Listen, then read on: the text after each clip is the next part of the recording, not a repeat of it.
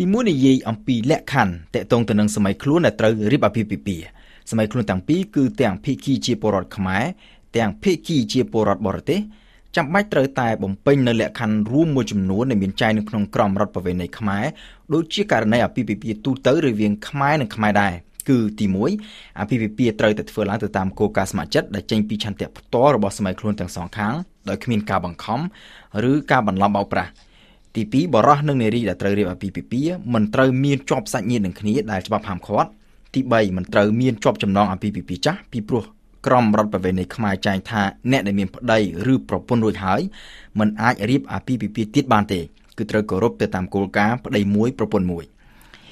ហើយនឹងចុងក្រោយគឺត្រូវតែជានីតិជនទាំងពីរមានន័យថាត្រូវមានអាយុចាប់ពី18ឆ្នាំឡើងទៅក្នុងករណីអាពាហ៍ពិពាហ៍រវាងនារីជាពលរដ្ឋខ្មែរ ហើយនិងបរោះជាពលរដ្ឋបរទេសបរោះដែលជាជនបរទេសនេះត្រូវបំពេញទៅតាមលក្ខខណ្ឌបន្ថែមមួយចំនួនដែលកំណត់ដោយក្រសួងការបរទេសខ្មែរតាមរយៈកំណត់ទូតចេញកាលពីថ្ងៃទី1ខែមីនាឆ្នាំ2011គឺបរោះដែលជាជនបរទេសនោះមិនត្រូវមានអាយុលើសពី50ឆ្នាំហើយគាត់ត្រូវមានប្រាក់ចំណូលយ៉ាងតិច2500ដុល្លារក្នុងមួយខែម្យ៉ាងទៀតយោងតាមអនុក្រឹត្យលេខ183ចុះថ្ងៃទី3ខែវិច្ឆិកាឆ្នាំ2008 ការរៀបអាពាហ៍ពិពាហ៍ដែលធ្វើឡើងទៅតាមរយៈភ្នាក់ងាររើសគូស្រករឈ្មួញកណ្ដាលឬក៏ក្រុមហ៊ុនអាជីវកម្មគឺត្រូវហាមឃាត់ជាដាច់ខាតបន្តមកទៀតនិយាយអំពីនីតិវិធីនិងសំណាក់បែបបទដែលត្រូវបំពេញយោងតាមអនុក្រឹត្យលេខ183ខាងលើនេះជនបរទេសដែលមានបំណងរៀបអាពាហ៍ពិពាហ៍ជាមួយនឹងបរតខ្មែរចាំបាច់ត្រូវតែមានវត្តមាននៅក្នុងប្រទេសកម្ពុជាដើម្បីរៀបចំបំពេញបែបបទនិងនីតិវិធីនៃការរៀបអាពាហ៍ពិពាហ៍នេះដោយខ្លួនឯង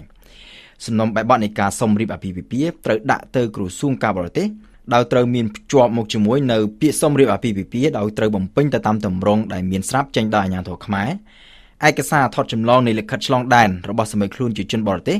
ដោយមានទិដ្ឋាការឬវីសាចូលក្នុងប្រទេសកម្ពុជាដែលនៅមានសុពលភាពនៅឡើយលិខិតបញ្ជាក់អំពីភាពនៅលីវឬពោះម៉ាយឬមេម៉ាយចេញដោយសមត្ថកិច្ចប្រទេសរបស់សម័យខ្លួនជាជនបរទេសលិខិតបញ្ជាក់សុខភាពចេញដោយសមត្ថកិច្ចកម្ពុជាលិខិតកោតទោស ចេញដោយសមត្ថកិច្ចប្រទេសរបស់សម័យខ្លួនជាជនបរទេសនិងលិខិតបញ្ជាក់ពីមុខរបរពិតប្រាកដរបស់សម័យខ្លួនជាជនបរទេសដោយមានបញ្ជាក់ពីចំនួនប្រាក់ចំណូលប្រចាំខែដែលចេញដោយសមត្ថកិច្ចប្រទេសរបស់សម័យខ្លួនជាជនបរទេសនោះសំណុំឯកសារទាំងប៉ុន្មានខាងលើនេះក្រៅពីពាក្យសុំរៀបអាពាហ៍ពិពាហ៍និងលិខិតបញ្ជាក់សុខភាពគឺត្រូវមានបោះត្រាបញ្ជាក់និត្យានុកូលភាពពីស្ថានទូតនៃប្រទេសរបស់សម័យខ្លួនជាជនបរទេសដែលប្រចាំនៅក្នុងប្រទេសកម្ពុជា ហើយម្យ៉ាងទៀតបើតាមកំណត់ទូតរបស់ក្រសួងការបរទេសខ្មែរចុះថ្ងៃទី23ខែមីនាឆ្នាំ2009សម័យខ្លួនជាជនបរទេសមិនត្រូវតាក់ទងដាក់សំណុំបែបបទសម្រៀបអាពាហ៍ពិពាហ៍នេះដោយផ្ទាល់ទៅក្រសួងការបរទេសខ្លួនឯងទេគឺត្រូវដាក់ទៅតាមរយៈស្ថានទូតឬស្ថានកុងស៊ុលនៃប្រទេសរបស់សម័យខ្លួនឯងដែលប្រចាំនៅក្នុងប្រទេសកម្ពុជាក្រៅពីបានទទួលសំណុំបែបបទនេះហើយក្រសួងការបរទេសមានរយៈពេលយ៉ាងយូរ5ថ្ងៃគិតជាថ្ងៃធ្វើការដើម្បីពិនិត្យនិងសម្រេច បើសិនមើលទៅឃើញថាមានសំណុំឯកសារគ្រប់គ្រាន់ហើយសម័យខ្លួនជាជនបរទេសបំពេញទៅតាមលក្ខខណ្ឌដែលបានកំណត់ហើយក្រសួងការបរទេសត្រូវបញ្ជូនសំណុំបែបនេះបន្តទៅឲ្យក្រសួងមហាផ្ទៃហើយក្រសួងមហាផ្ទៃក៏មានពេលយ៉ាងយូររយៈពេល5ថ្ងៃដែរដើម្បីពិនិត្យនិងចុះបញ្ជីសំណុំឯកសារសុំរៀបអាពាហ៍ពិពាហ៍នេះពិនិត្យនិងចុះបញ្ជីចប់សពគ្រប់ហើយក្រសួងមហាផ្ទៃត្រូវជូនដំណឹងអំពីការសុំរៀបអាពាហ៍ពិពាហ៍នេះ ទៅខាងមន្ត្រីអត្រានុកូលដ្ឋានឃុំឬសង្កាត់នៃលំនៅឋានអចិន្ត្រៃយ៍របស់សម័យខ្លួនដែលជាពលរដ្ឋខ្មែរហើយក៏ត្រូវជូនដំណឹងទៅខាងសម័យខ្លួនជាជនបរទេសដែរពេលដែលទទួលបានចម្លើយពីក្រសួងហាផ្ទៃអំពីការចុះបញ្ជីសំណុំឯកសារសុំរៀបអាពាហ៍ពិពាហ៍នេះហើយសម័យខ្លួនទាំងពីរគឺទាំងពលរដ្ឋខ្មែរនិងទាំងជនបរទេសត្រូវរៀបចំដាក់ពាក្យសុំរៀបអាពាហ៍ពិពាហ៍ស្របពេលជាមួយគ្នាទៅឃុំឬសង្កាត់នៅខាងលំនៅរបស់សម័យខ្លួនជាពលរដ្ឋខ្មែរ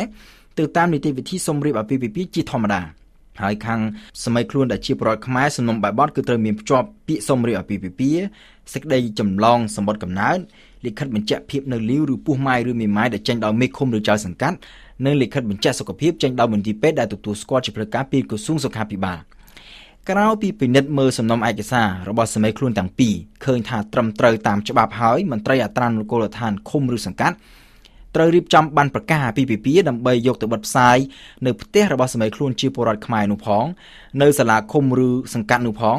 ហើយនៅនៅស្ថានទូតនៃប្រទេសរបស់សម័យខ្លួនជាជនបរទេសផង10ថ្ងៃក្រោយពីបិទបានប្រកាសនេះហើយបើសិនជាមិនមានអ្នកណាប្តឹងតវ៉ាចំទាស់ទៅនឹងការរៀបអាពាហ៍ពិពាហ៍នេះទេទើបសម័យខ្លួនអាចរៀបចំពិធីអាពាហ៍ពិពាហ៍បានហើយនឹងចុងបញ្ចប់នៃនីតិវិធីដើម្បីឲ្យអាពាហ៍ពិពាហ៍មានសុពលភាពពេញលក្ខណៈផ្លូវច្បាប់ សម័យខ្លួនទាំងពីរត្រូវទៅចុះបញ្ជីអាពាហ៍ពិពាហ៍នៅសាលាឃុំឬសង្កាត់គឺនៅកន្លែងដែលបានដាក់ពាក្យសុំរៀបអាពាហ៍ពិពាហ៍ហើយការចុះបញ្ជីអាពាហ៍ពិពាហ៍នេះត្រូវមានវត្តមានផ្ទាល់របស់សម័យខ្លួនទាំងពីរផងហើយបូករួមជាមួយនឹងសាក្សីដែលមានអាយុគ្រប់ការចំនួន2រូប